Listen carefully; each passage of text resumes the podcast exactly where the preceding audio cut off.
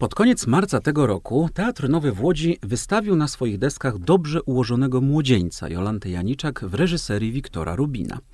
Ten spektakl jest nie tylko znakomity, powiedzmy to sobie od razu, ale także przełomowy dla polskiej społeczności queerowej i naszego teatru, bowiem pierwszy raz w naszym kraju główną rolę w spektaklu dramatycznym zagrał artysta transpłciowy, który zaraz po rzeczonej premierze dostał propozycję dołączenia do teatralnej trupy Teatru Nowego w Łodzi. Tym artystą jest Edmund Krępiński, gość tego podcastu Open Mic. Zapraszam do rozmowy. Mike Urbaniak.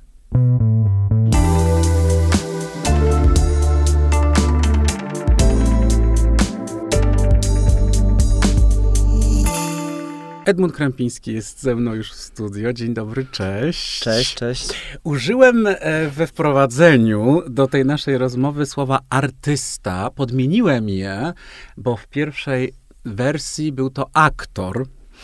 A, I chciałem właściwie od tego zacząć, bo to są rozmaite epitety, które y, pojawiają się oczywiście w związku z Twoją twórczością, z Twoją aktywnością. I chciałem właściwie zacząć od pytania o to, co ty o sobie myślisz? Właśnie w kontekście, powiedziałbym, y, y, zawodowym, kariery zawodowej, aktywności artystycznych. Artysta, aktor, performer, jakby gdzie, gdzie, gdzie, gdzie jesteśmy? Gdzie jesteśmy w twojej głowie? O tak. O, ciężko właściwie to określić, dlatego że wraz z tym, jak ewoluowała moja aktywność, tak też e, zmieniały się moje, e, moje, zmieniało się moje nazewnictwo, mhm. jeżeli chodzi o to, kim jestem. E, najpierw właśnie był to artysta wizualny, artysta wideo, potem określałem się jako e, performer, a teraz myślę, że Zdarza mi się określać jako aktor, ale nie do końca mam wrażenie, że czuję się ok z tą łatką, gdyż nie przeszedłem tej całej ścieżki właśnie szkoły teatralnej, filmowej i mam wrażenie, że nie osiągnąłem jeszcze w, tym, e, w tej materii na tyle dużo, żeby móc się tak tytułować. Mm -hmm. Wiesz o co chodzi. A to jest ciekawe, wiesz co, bo wejdę ci w słowo, bo pamiętam taką rozmowę z, z jedną ze znajomych osób, która pisze o tym, kiedy można się nazywać pisarką. I naprawdę to była dokładnie podobna rozmowa. To, I pamiętam, że, że stanęło na tym, że po trzeciej książce, po trzeciej książce powiedziała mi ta rzeczona osoba, po trzeciej już będę mówiła o sobie y, pisarka, że mam takie poczucie, że mogę. Mm -hmm. I to mhm. jest bardzo ciekawe a propos tego, co mówisz, jakby co, co, co uważamy, co myślimy, co myślimy, co inni myślą tak. w tej materii, w tym samym Teraz sobie zdałem sprawę z tego, że w sumie też się długo wstrzymywałem wcześniej z nazywaniem siebie artystą, bo mm -hmm. pierwsze lata, lata studiów to miałem takie podejście, kurde, ja się dopiero uczę, ja jestem jeszcze taki nieopierzony, jak, jaki ze mnie artysta, nie? Więc mm -hmm. myślę, że ja mam mhm. po prostu chyba takie wewnętrzne przekonanie, że na każdą łatkę muszę sobie zasłużyć. Czyli po trzecim spektaklu to będzie Może. aktor, po trzecim filmie. Ale wiesz co, czy to jest też pytanie o to, czy trzeba, powiedziałeś o szkołach, że nie mhm. skończyłeś mhm. szkół, e, no, skończyłeś szkoły, zaraz o, zaraz o tym powiem, ale nie szkołę aktorską. Mm, zastanawiam się dzisiaj też nad tym i myślałem i rozmawiałem o tym, e, dyskutując po spektaklu, o którym będziemy dzisiaj jeszcze mówić, spektaklu w Teatrze Nowym w Łodzi, czy właściwie to jest dzisiaj potrzebne? E, I nie w takim znaczeniu, że niepotrzebne są szkoły artystyczne, mm. bo one oczywiście e, kształcą i uczą wielu pożytecznych e, dziedzin, ale, no, ale no, spójrzmy na, na chociażby no, na nie wiem, największe gwiazdy rozmaitego, już nie mówię, no Hollywood, mm. weźmy to Hollywood, no, no, mało kto skończył tam jakąś szkołę aktorską. I w tym sensie zastanawiam się, czy dzisiaj w związku też z tym, że wiesz, pojawia się właśnie coraz więcej osób performerskich w rozmaitych spektaklach, także queerowych spektaklach, żeby wspomnieć, no chociażby Orlando w Teatrze Powszechnym mm. w Warszawie. Y, rozmawiałem tutaj przecież z reżyserką tego spektaklu, polecam osobom nasz słuchającym odsłuchanie tej, tej rozmowy, y, gdzie performują osoby queerowe, więc one się pojawiają, to nie tylko queerowe, prawda? Mamy spektakle z osobami też, wiesz, nie wiem, nie, niesłyszącymi na przykład, z osobami niewidomymi, rozmaitymi grupami wykluczonymi, szeroko, szeroko pojętymi.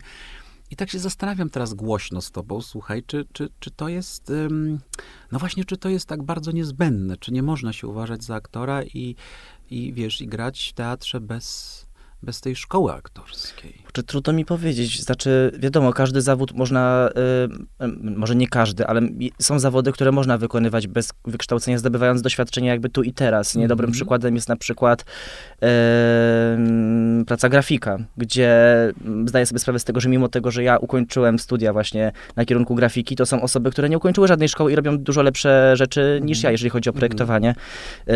I tutaj na przykład myślę, że szkoła może nie być potrzebna, a trochę własnej pracy. I, a w tym wypadku aktorskim myślę, że to zależy od charakteru spektaklu, filmu czy czegokolwiek, nie? W, w czym się gra bo zdaję sobie sprawę z tego, że kurczę, jakbym miał zagrać coś super klasycznego, to nie wiem, czy bym podołał w sumie. Mm-hmm. To, ale to byłoby ciekawe wyzwanie, może kiedyś e, się uda e, w czymś takim wziąć udział. E, ale tak odpowiadając na twoje pytanie, kurde, co ja, co ja chciałem powiedzieć, czy jest to potrzebne? Sam, sam nie wiem. Tak jak powiedziałem, chyba, mm-hmm. chyba zależy od charakteru mm-hmm. rzeczy. Mhm.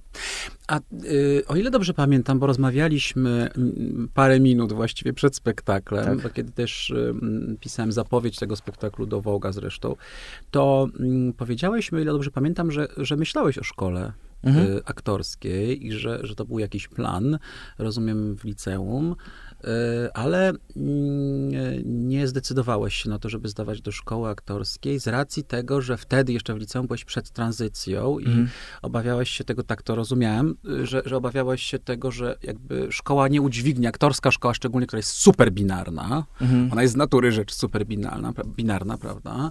Przyjmujemy, w tym roku przyjmujemy 10 chłopców i 10 tak. dziewczynek, bo to mniej więcej do tego się sprowadza dzisiaj, mm, że, że, że, że to, to rzeczywiście powód, dla którego mm. ta szkoła zniknęła z horyzontu i wybrałaś Akademię Sztuk Pięknych w Krakowie, którą skończyłeś niedawno, mhm. gratuluję.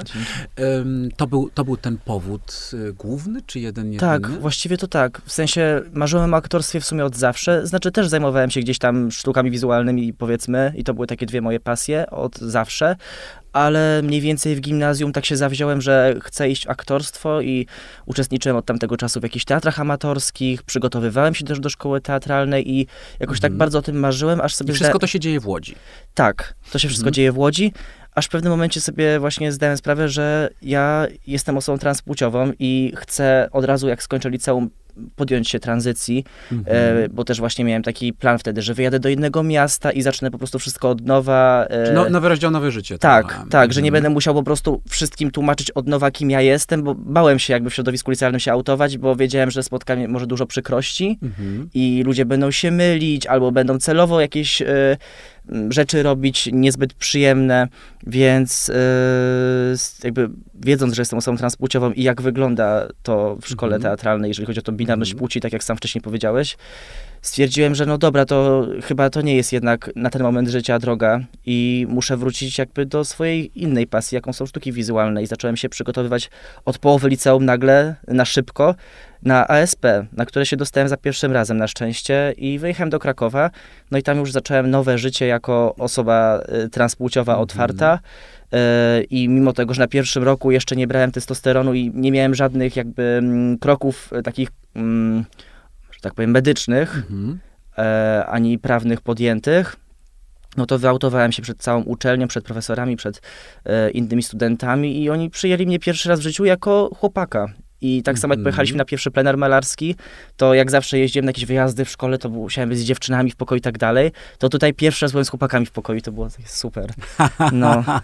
Więc jakby mhm. Akademia była super mhm. przestrzenią, jeżeli chodzi o y, te początki tranzycji, no ale potem już czułem, że kurde, czegoś mi brakuje. Brakuje mi sceny, brakuje mi y, występowania.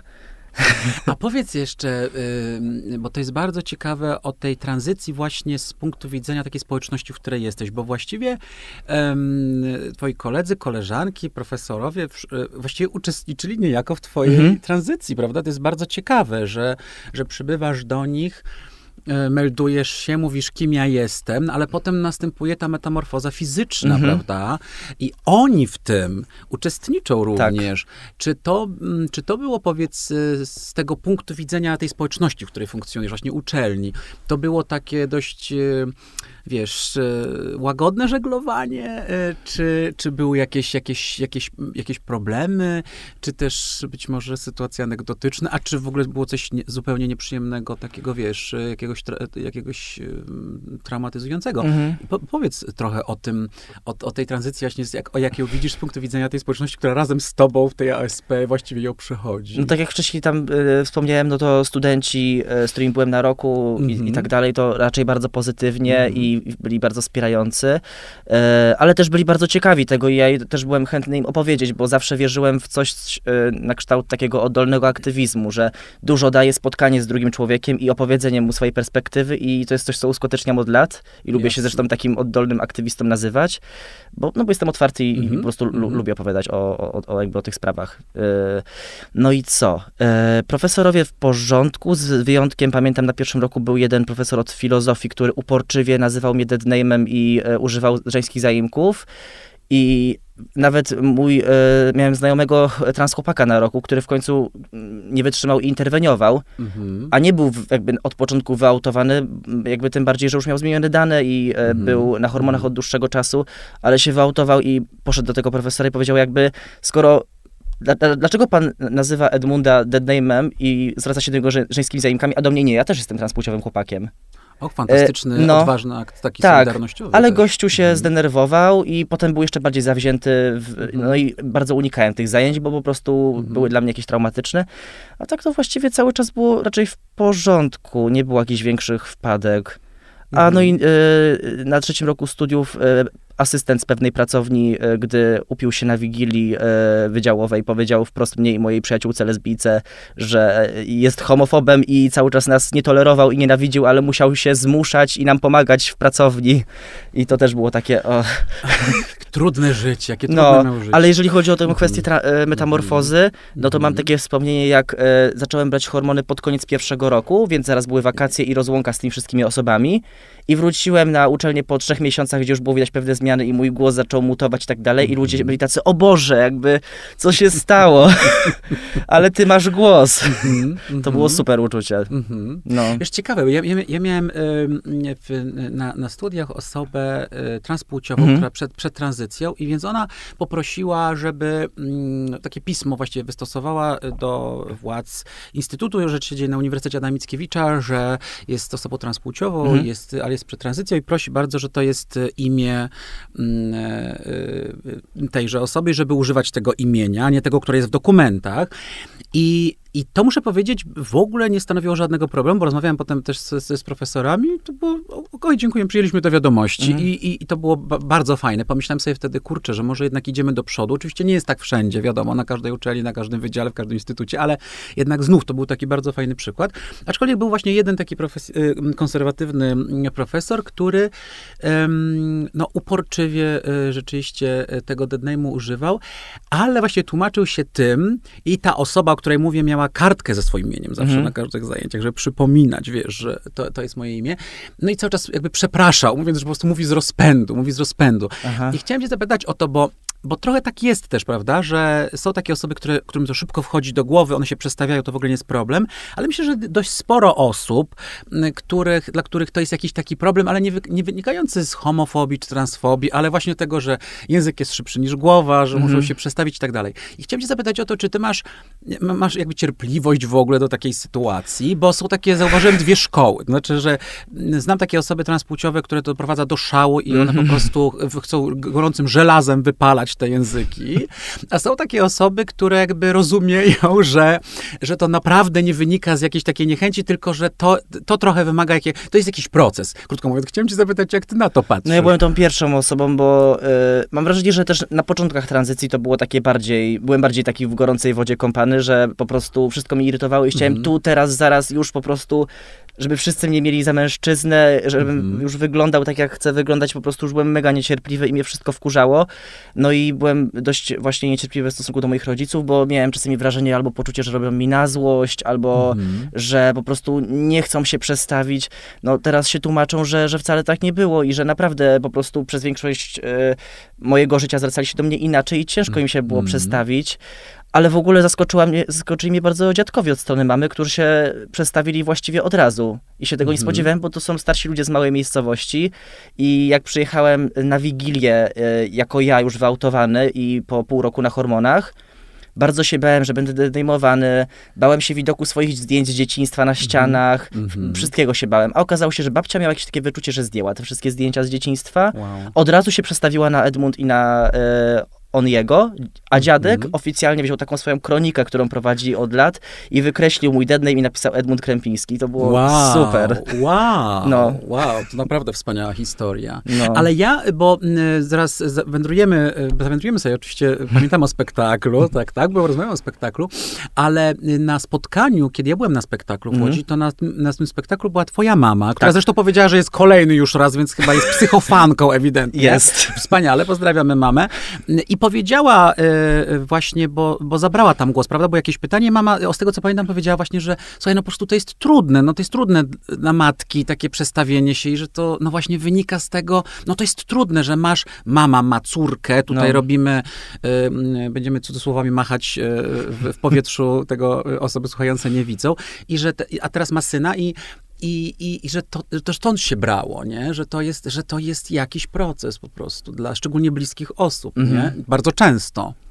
Ale ty powiedziałeś w którejś z rozmów, że, że to przyjęcie rodziców było takie dość Y, prawda, chłodne, tam, znaczy takie, no nie było takie synu witaj, prawda, że, że, że to było trudne i że to był proces i że dzisiaj mama siedzi po prostu w pierwszym rzędzie na spektaklu, jest dumna z syna, ale to był proces, prawda, w twoim przypadku, jeśli chodzi tak, o, o rodziców, osoby najbliższe. No tak, tak jak powiedziałem, nie mm przestawili się od razu na zaimki, mm no i mhm. e, to jest, i była taka sytuacja, o której mówię w każdym wywiadzie i moja mama mnie już za to nienawidzi chyba mm trochę, że jak jej powiedziałem pierwszy raz, to było w trzeciej liceum, siedzieliśmy w kawiarni i jej powiedziałem właśnie o, o sobie. I ona miała podejście w stylu, Boże, znowu coś wymyślasz, jakby zawsze z tobą są jakieś problemy, jakby ja, ja, ja nie będę wspierać twojego okaleczania się. I mm -hmm, wyszła mm -hmm. z tej kawiarni, mi zostawiła. Ja byłem taki bezradny i chciało mi się płakać, bo jakby zawsze miałem wsparcie w mamie, a ona nagle powiedziała mi coś bardzo ważnego i przełomowego jakby dla mojego życia, a ona tak się zachowała i czułem, mm -hmm. że to jest mhm. koniec świata. Mm -hmm. Potem ojciec się dowiedział od mamy i też miał takie podejście, że ja nie będę wspierać twojego okaleczania się finansowo, jakby nie ma mm -hmm. takiej opcji, radź sobie mhm. sam. No ale po jakimś czasie w końcu jakby zaczęło do nich docierać i, no, i było już tylko lepiej. No i proszę, jak się, jak się skończyła ta cała no. historia. To jest, no tak, ale no właśnie, to jest, to jest w wielu przypadkach... Yy, ten proces i fajnie, że w twoim e, to, to jest taki happy end, bo on nie zawsze tak. jest, prawda? W przypadku wielu osób transpłciowych nie jest tak. Zresztą nie tylko transpłciowych, ale nawet po prostu mm, osób e, nieheteronormatywnych często, jeżeli chodzi o, e, o te spotkania z, ro, z rodzicami. Ale tu jest, tu jest, że mama, byłem absolutnie zachwycony mamą, um, super fanką w pierwszym rzędzie w tak. teatrze. Tak. To jest coś naprawdę super fajnego.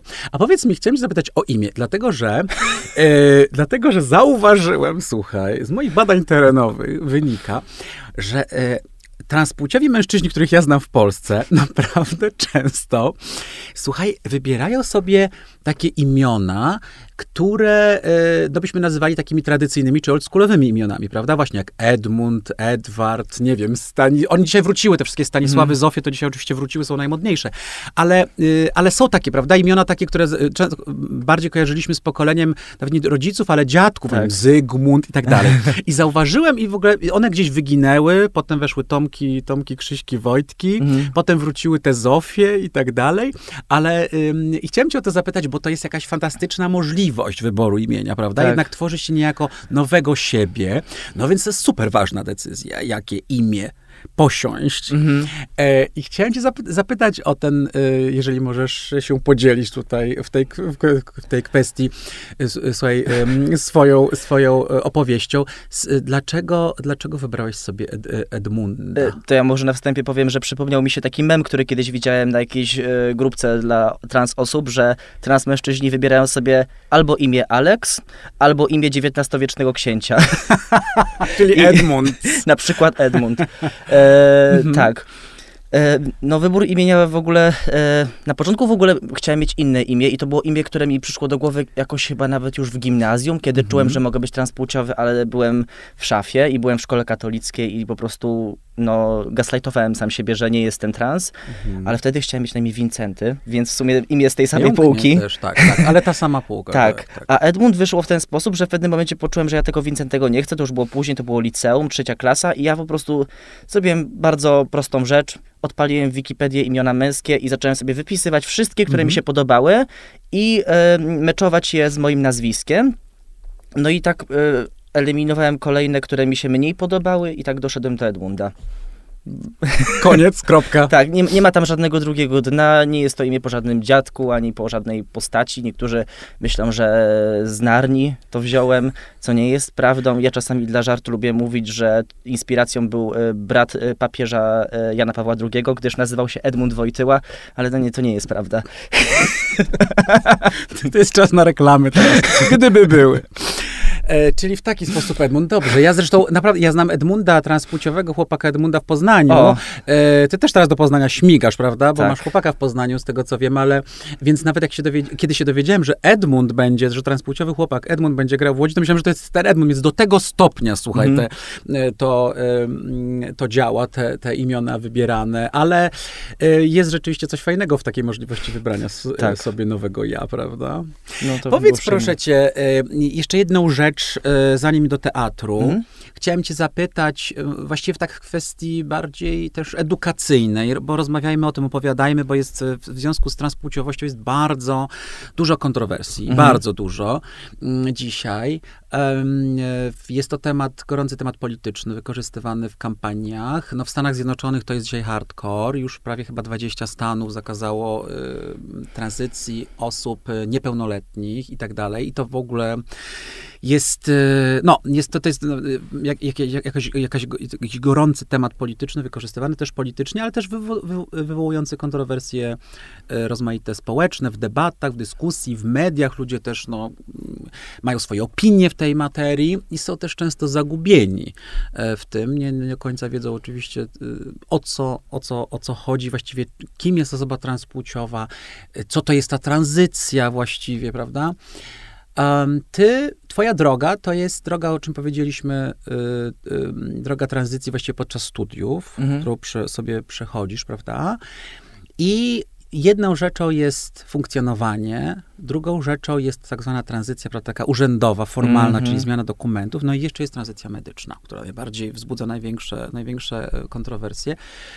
Um, powiesz o tej, o tej swojej drodze w tej materii, to znaczy jak to u ciebie wyglądało, bo nie ma jednego patentu. O tym chcę krótko tak, mówiąc powiedzieć, bo ludzie uważają, że jest jakiś jeden patent, nie. że osoba transpłciowa to tak, A, robi to, B, następnie idzie do sądu, C, następnie idzie na stół operacyjny, wiesz, jakby, a drogi, a to nie jest tak. Każdy tak. ma swoją własną i chciałem cię zapytać o, o ten twój wybór i mm. twoją w tej materii. To są w ogóle dwie, tak, to są w ogóle takie dwie kwestie. Pierwsza jest taka, że no każdy co innego oczekuje od swojej tranzycji, a druga kwestia jest taka, że w Polsce to jest po prostu nie, ach, nie ma jakby jednego systemu o, mm -hmm, w ten mhm, sposób. Mm -hmm.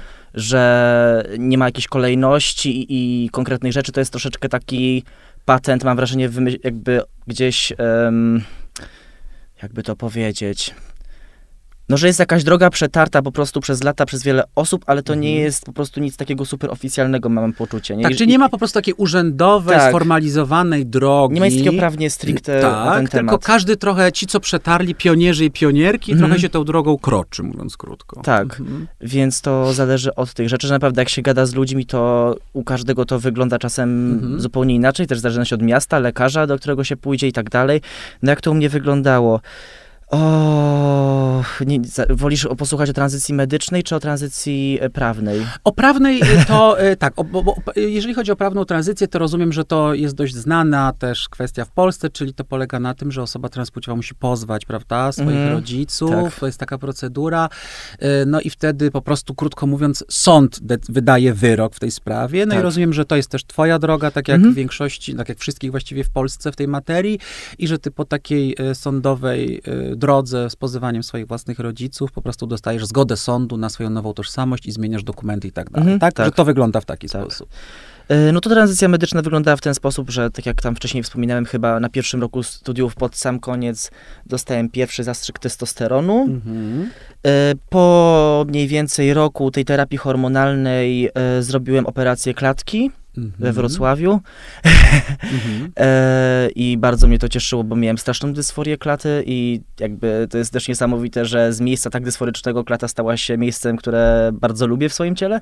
E, no i co dalej? E, medycznie.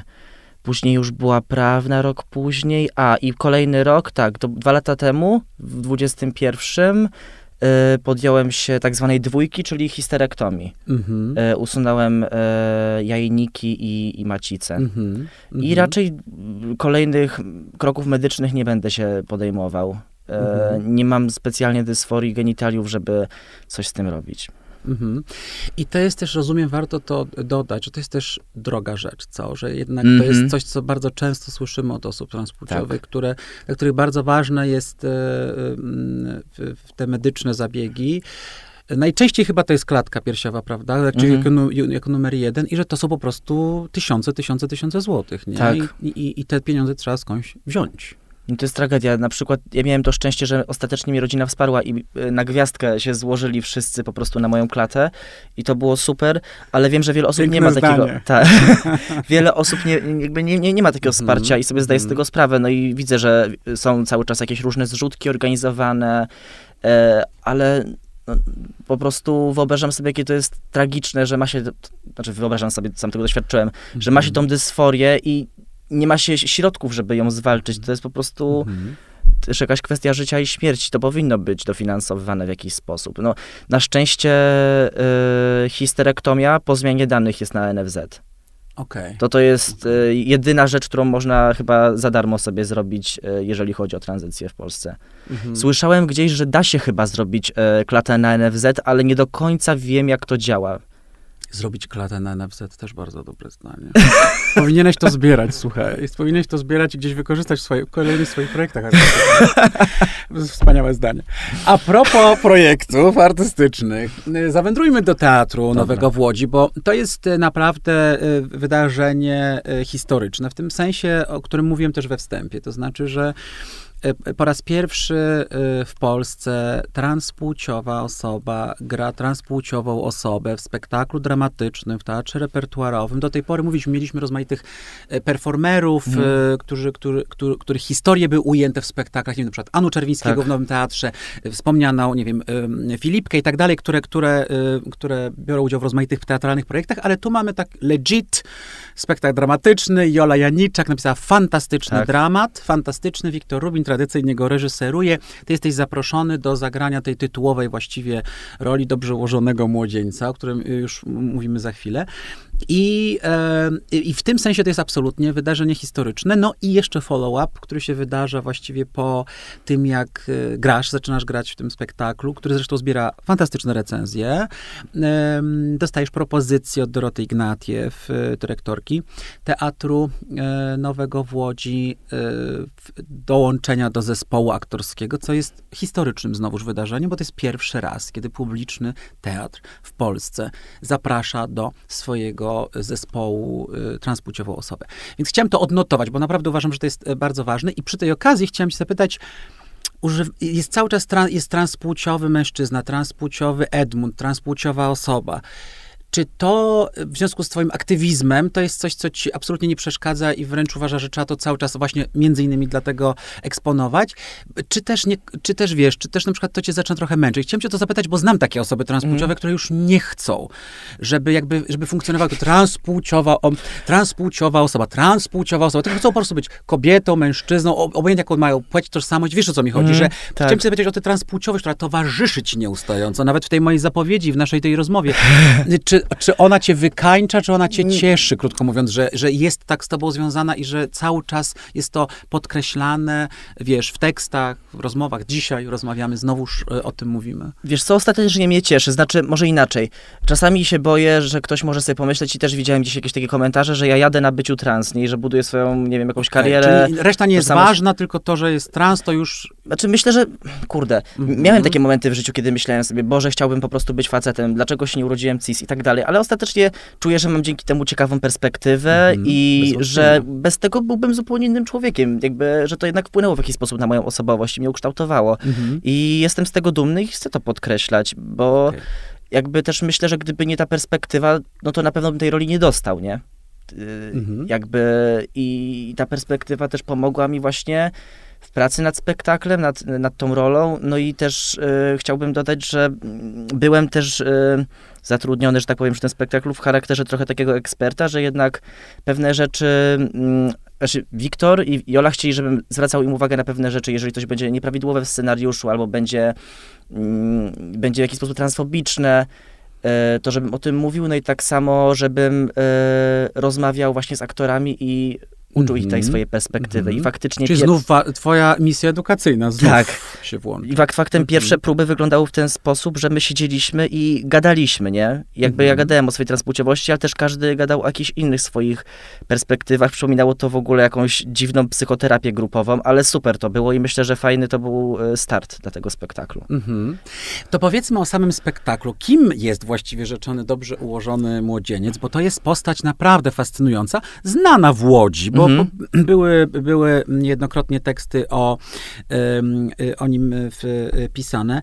Powiedzmy o Eugeniuszu Steinbarcie, e, którego grasz w tym spektaklu. No właśnie, Cóż to za postać? Problem jest taki z nim, że to jest postać niejednoznaczna, bo tak naprawdę nie wiadomo w 100% czy to faktycznie był transmężczyzna. Mhm. Wiele na to wskazuje, ale jest też narracja, jakoby był po prostu lesbijką, która przejęła właśnie rolę męską też, żeby zarabiać, bo w tamtych czasach ciężko było o, o, o pracę dla kobiet, no i mhm. żeby e, wziąć ślub e, z, z, z kobietą.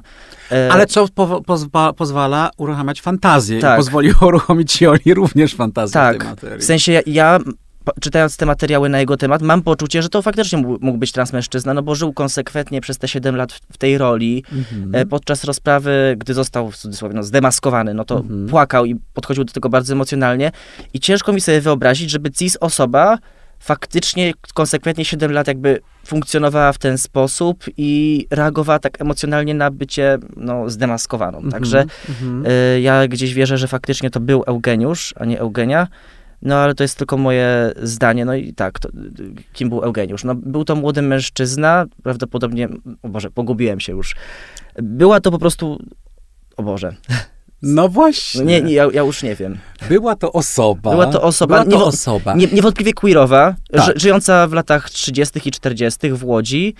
E, i która, o której chyba pierwszy raz właśnie w mediach wspominano na okoliczność e, jego, jej próby samobójczej, mm -hmm. gdzie okazało się, tak jak pisały wtedy media, bardzo niepoprawnie i transfobicznie zresztą, że pod kostiumem mężczyzny kryje się najprawdziwsza kobieta, nie? I, i była to sensacja. A potem kolejna sensacja z jego udziałem taka, że właśnie wziął ślub z kobietą i że mm -hmm. podszywał się pod mężczyznę i miał E, nie, posługiwał się nie swoimi dokumentami, bo posługiwał się dokumentami bodajże swojego kuzyna, czy coś takiego, który też miał na imię mm. Eugeniusz.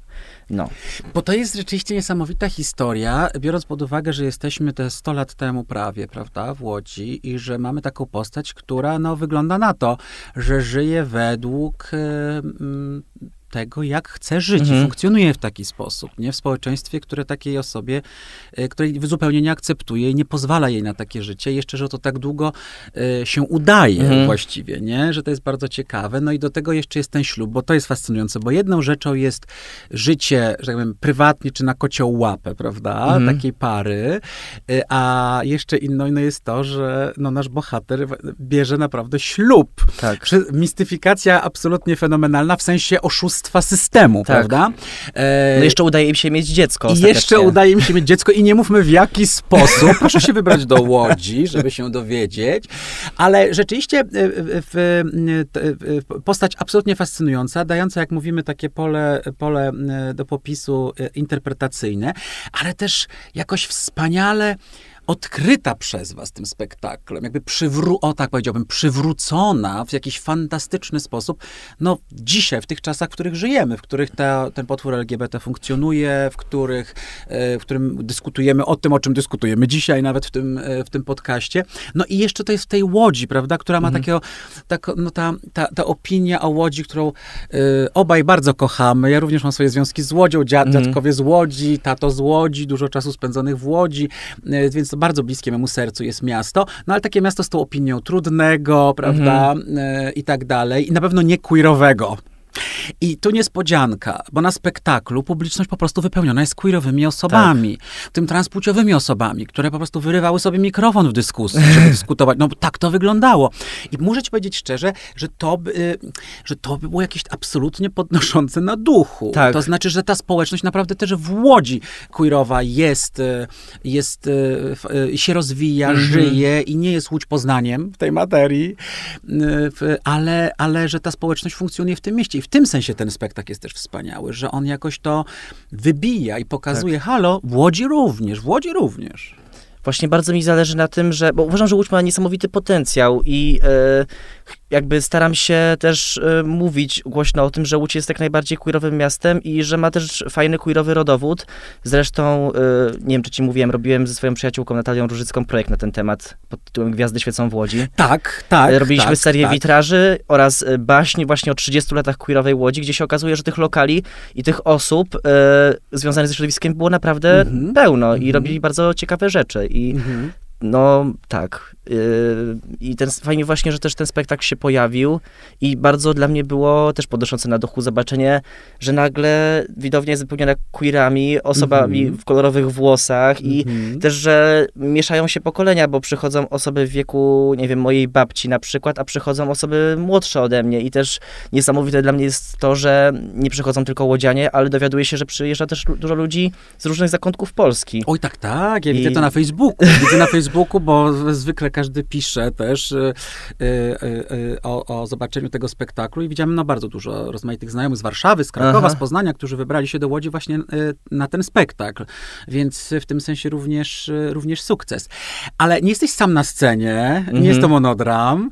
Jest, jest, są aktorzy Teatru Nowego w tymże spektaklu, fantastycznie zagranym, ale szczególnie muszę ci powiedzieć, Paulinie Walędziak, tak. Paulinie Walędziak się absolutnie zakochałem w tym spektaklu naprawdę po tym spektaklu, ponieważ to jest twoja małżonka mhm. sceniczna. I wy naprawdę, jest tak fantastyczna chemia między wami, przynajmniej na scenie, zaraz cię zapytam, czy tak też e, było w pracy, ale naprawdę ta chemia, słuchaj, między wami jest fenomenalna. Paulina Walędziak fenomenalna i wy jesteście tak cudowną parą, naprawdę, no ogląda się was e, z, z, z największą przyjemnością. E, powiedz, to, to, to kliknięcie, właśnie ta chemia, ona między wami się wytworzyła jakoś wcześniej na próbach, i powiedz jak... Tak, my dość szybko bardzo fajny vibe złapaliśmy aha, razem, że aha. nie wiem, po prostu się bardzo polubiliśmy yy, i nie wiem, to się samo po prostu wydarzyło. Yy, właściwie nie, nie wiem, czego to jest kwestia. Myślę, że po prostu takiej wzajemnej e, sympatii i szacunku i też bardzo podziwiam ją jako aktorkę. Ona też dała mi dużo wiary w siebie, bo też dużo pozytywnych rzeczy powiedziała na temat mojej pracy. Nie wiem, -hmm. po prostu mm -hmm. Myślę, że to tyle. Ale tak, jako, jakoś tak wyszło, że cały czas słyszę bardzo pozytywne właśnie opinie o nas jako duecie i na temat e, Pauliny i tego, co ona tam robi. Moi przyjaciele są w niej zakochani. I też w ogóle e, bardzo fajna rzecz się po, e, przydarzyła podczas tego spotkania e, naszego z mhm, widzami, mm -hmm. o którym mm -hmm. wcześniej wspominaliśmy, bo e, jeden trans chłopak z widowni zabrał głos, że e, powiedział coś w rodzaju, że bardzo długo wątpił, że kiedykolwiek znajdzie miłość jako transmężczyzna, ale jak zobaczył nas, właśnie jako Eugeniusza i e, Czesławę i tą wielką miłość, taką mm -hmm. z mhm. jajami, mm -hmm. to po prostu dało mu to taką nadzieję i siłę, że no on kiedyś, kiedyś też czegoś takiego doświadczy, nie? I dla mm -hmm. mnie to mhm. było mega i pa dla Pauliny to też był w ogóle jakiś ogromny y, komplement i no, ważne słowa. No, czego więcej chcieć od publicznego teatru. Właśnie po to jest, żeby takie rzeczy wywoływać. Um, powiedz, już po, zagraliście e, parokrotnie mm -hmm. ten spektakl. My sobie nagrywamy nasz podcast na początku maja, e, więc e, dokładnie nie wiem, kiedy wylecimy w eter, ale mm, może wspomnę tutaj przy okazji, że najbliższe, przynajmniej w stosunku do początku maja spektakle, to jest 10-11 czerwca mm -hmm. w Teatrze Nowym w Łodzi, więc wysyłamy wszystkich, zapraszamy do teatru. Ale macie za sobą parę spektakli, są recenzje, jest feedback prywatny, prawda, również, mhm. który dostajesz. Co to, co, co to za, za, za informacja zwrotna, powiedz, na, na, do Edmunda na, napływa po tym spektaklu? że na pewno ten spektakl wzbudza dużo pozytywnych emocji i e, jakoś uwrażliwia ludzi i wzbudza w nich jakieś pokłady empatii. Widzę to na przykład po swojej babci, co do której się bardzo bałem, jeżeli chodzi o odbiór, mhm. gdyż no, jest to starsza kobieta, y, która głosuje na PiS, mhm. więc można się mniej więcej domyślić, jakie ma poglądy.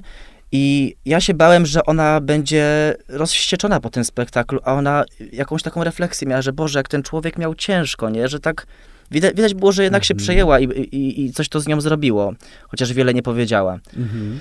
E, więc e, takie rzeczy do mnie napływają. E, dużo pozytywnego właśnie, jeżeli chodzi o, o, o grę, zwłaszcza właśnie Pauliny, moją i, i, i Halszki, mhm. E, które w ogóle pozdrawiam mhm. serdecznie.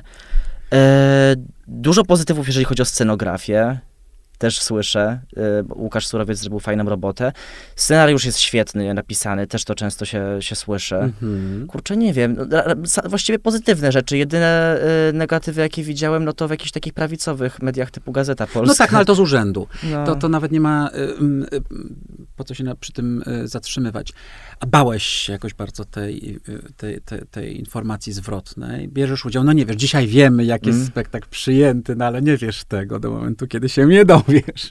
Krótko mówiąc, powiedz, y, był jakiś strach? E, towarzyszył był. ci? Był. Mhm. Szczerze powiedziawszy, ja się chyba bardziej paradoksalnie bałem odbioru środowisk queerowych niż e, Aha. tych wszystkich prawicowych e, i tak dalej, bo jakby to powiedzieć,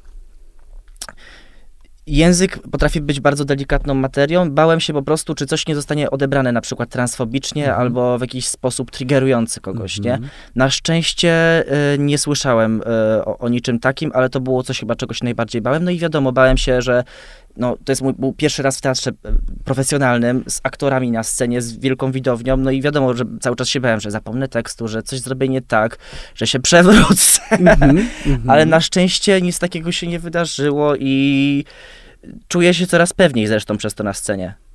Mhm. Co zresztą też ostatnio usłyszałem e, na, e, za kulisami od e, Moniki Buchowiec, którą pozdrawiam, że widać, że się rozkręcam. Mhm. No. Mhm. I też mnie, mnie to bardzo cieszy, że ktoś to zauważa. To powiedz w tym rozkręcaniu się, jaki jest, jaki jest plan? Oprócz tego, że no, do, dołączyłeś do zespołu, grasz w tym spektaklu, miejmy nadzieję, że będą kolejne, to, y, ale masz rozmaite zainteresowania, robisz różne rzeczy, mhm. poza przecież tutaj teatrem. Y, jaki jest, y, jaki jest plan na najbliższą przyszłość? Na czym się skupiasz? Na Powiem czym tak, zawieszasz oko? Gdzie Powiem celujesz? Tak, że ta rzeczywistość moja przez ostatnich dwóch lat się zmienia dynamicznie z miesiąca na miesiąc, Aha. więc trudno mi powiedzieć, gdzie mnie zawieje. E, ale na pewno chciałbym więcej zrobić w teatrze i w filmie, bo zresztą Wyreżyserowałem jakiś czas temu e, swój debiut reżyserski, Skraj, który niedawno zresztą zdobył nagrodę w Wiedniu na Porn e, Festival. Mhm. E, I chciałbym iść w tym kierunku i współpracować dalej z Jakubem Dylewskim, e, który jest operatorem właśnie przy, przy Skraju. I właśnie rozważamy kolejny film i zbieramy pomysły, więc mhm. mam nadzieję, że coś się pojawi może w przyszłym roku, kto wie. E, jakby takim moim celem życiowym chyba jest mm, nie trzymanie się konkretnej ścieżki chyba, wiesz? E, chciałbym jednak łączyć ze sobą różne swoje zainteresowania, bo czuję, żebym się udusił, jakbym mhm. zatrzymał się w jednej e, dziedzinie. Więc chciałbym dalej się trzymać właśnie przy sztukach wizualnych, przy performensie, e, przy filmie i przy teatrze i kto wie co jeszcze. Kto wie co jeszcze? No to ja ci tego życzę, kto wie co jeszcze, bo to jest najfajno, najfajniejsza E, perspektywa. E, ale też oczywiście jako człowiek ba e, bardzo związany z teatrem i teatr kochający, życzę ci też kolejnych projektów w teatrze, w tym Teatrze Nowym w Łodzi. Bardzo jestem ciekaw, bardzo jestem ciekaw ciebie w innym kontekście, bo to jest mm -hmm. bardzo specyficzny kontekst transpłciowej postaci i tak. ciebie jako transpłciowej osoby, która, która gra tę postać, więc to już samo w sobie niesie miliony znaczeń i jakby siłę ale bardzo bym chciał zobaczyć e, cię teraz e, w, w tymże teatrze, w czymś zupełnie niezwiązanym mm -hmm. z tematyką queerową, po prostu w jakimś Czechowie. Tak. Bar bardzo chciałbym zagrać... W jakimś Szekspirze. Tak. Chciałbym zagrać właśnie takiego cis hetero gościa, może właśnie jeszcze z epoki, to, to, to by było bardzo ciekawe. No. no. Imię już masz gotowe, jeżeli chodzi o epokę. Edmund Krępiński y, był moim i waszym gościem. Edmundzie, bardzo ci dziękuję za dziękuję tę rozmowę również. i życzę ci y, wszystkiego najwspanialszego na tej zawodowej, ciekawej drodze. a nam wszystkim mówię, y, cóż, do usłyszenia. Aha, no i do zobaczenia może powiedzmy mm -hmm. w mhm. Teatrze Nowym w Łodzi, bo nie można spektaklu Dobrze ułożony młodzieniec nie zobaczyć. Do usłyszenia. Do usłyszenia.